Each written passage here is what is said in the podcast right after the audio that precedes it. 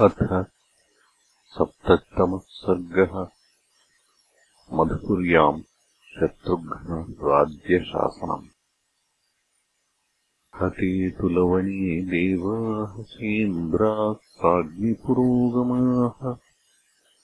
ऊतुः सुमधुराम् वाणीम् शत्रुघ्नम् शत्रुतापनम् दिष्ट्या ते विजयो हतः पुरुषशाब्दूलवरम् वरयसूरत वरदास्तु महाबाहो सर्व एव समागताः। विजयाकाङ्क्षिणस्तुभ्यम् अमोघम् दर्शनम् हि नः। देवानाम् भाषितम् श्रुत्वा शूरो मूर्ध्निकृताञ्जलिः प्रत्युवाच महाबाहो शत्रुघ्नः प्रयतात्मवान्। इयम् मधुपुरीरम्या मधुरादेवनिर्मिता निवेशम् प्राप्नुयाच्छीघ्रम् एष मे स्तुवरः परः। तम् देवाः प्रीतमनसो बाढमित्येव राघवम्। भविष्यति पुरीरम्या शूरसेना न संशयः। ते तथौक्त्वा महात्मानो दिवम् आरुरुहस्तदा। शत्रुघ्नोऽपि महातेजाः ताम् सेनाम् समुपानयत् सा सेना शीघ्रमागच्छत् श्रुत्वा शत्रुघ्नशासनम्। निवेशनम् च शत्रुघ्नः श्रावणेन समारभत्। सा पुरा दिव्यसङ्काशावर्षे द्वादशमे शुभे।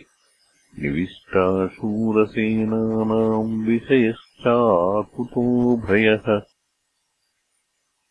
क्षेत्राणि सस्ययुक्तानि काले वर्षति वासवः अरोगवीरपुरुषा शत्रुघ्नभुजपालिता।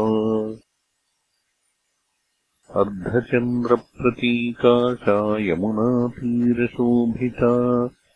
शोभिता गृहमुख्यैश्च चत्वरापणवीथिकैः चातुर्वर्ण्यसमायुक्ता नानावाणिज्यशोभिता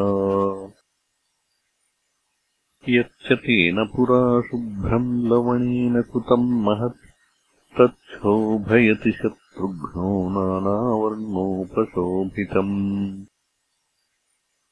आरामैश्च विहारैश्च शोभमानाम् समन्ततः शोभिताम् शोभनीयैश्च तथान्यैर्देवमानुषैः ताम् पुरीम् दिव्यसङ्काशान्नानापण्योपशोभिताम् नानादेशागतैश्चापि वणिभिरुपशोभिताम् ताम् समुद्धाम् समुद्धार्थः शत्रुघ्नो भरतानुजः निरीक्ष्य परमुत्प्रीतः परम् हर्षम् उपागमत्। तस्य बुद्धिः समुत्पन्ना निवेश्य मधुराम् पुरीम् रामपादौ निरीक्षेऽहम् वर्षे द्वादशागते। ततः स ताम् अमरपुरोपमाम् पुरीम् निवेश्य वै विविधजनाभिसंवृताम् नराधिपो रघुपतिपाददर्शने दधेमतिम् रघुकुलवंशवर्धनः इत्यार्षे श्रीमद् रामायणे वाल्मीकीये आदिकाव्ये उत्तरकाण्डे सप्ततितमः सर्गः